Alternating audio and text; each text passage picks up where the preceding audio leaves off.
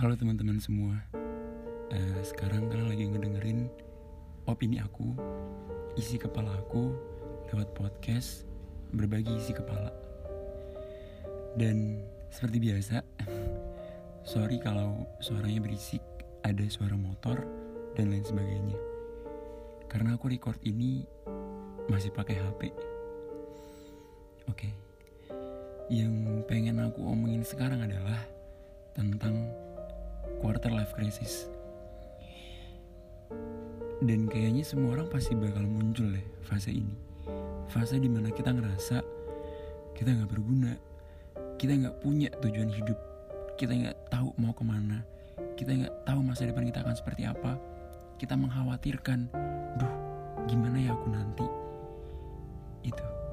Dan kalau yang pernah aku baca, QLC pasti akan muncul di usia dewasa muda seseorang sekitar usia 18 sampai 25 tahun.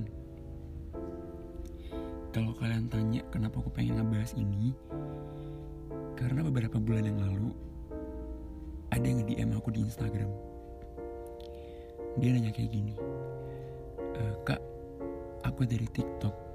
Aku mau tanya bisa nggak kak kalau kakak bagiin tips gimana caranya keluar dari quarter life crisis. Pertama, aku gak punya kompetensi untuk memberikan arahan yang emang itu sesuai dengan teori yang ada. Tapi aku bisa kasih gimana caranya aku dulu. Dan ya kayak yang aku bilang di awal, kalau fase ini pasti akan muncul di semua orang.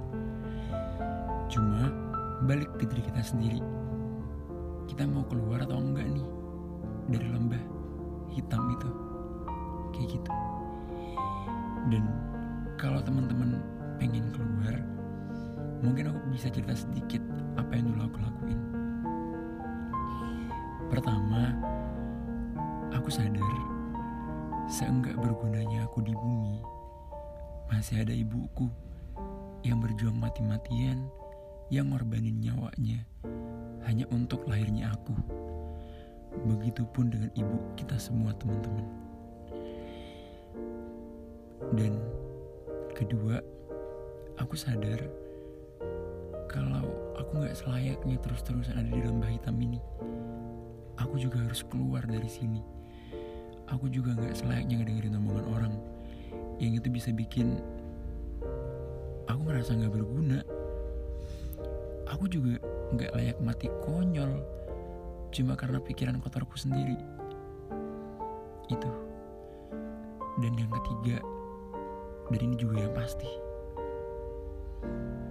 Tuhan Tuhan tuh yakin kalau kita mampu.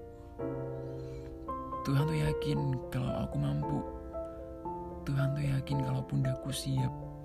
Tuhan juga yakin kalau pundak teman-teman siap untuk naik ke step berikutnya lewat ujian yang Tuhan kasih. Dan dalam agamaku juga diajarin sih kalau semua orang yang lahir ke bumi mereka tuh punya manfaatnya masing-masing kok. Ya, yeah, ini yang terakhir sih aku mendatangi pakarnya. Aku datang ke psikolog.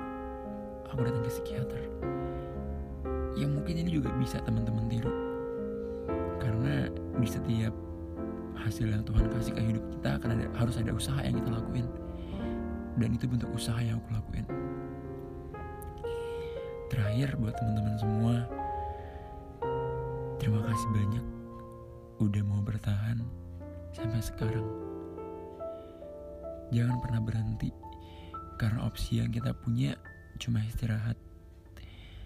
Untuk berhenti atau tidak itu di tangan Tuhan. Teruslah hidup, teruslah bernafas sampai Tuhan bilang, "Udah yuk, cukup. Sekarang saatnya kamu pulang."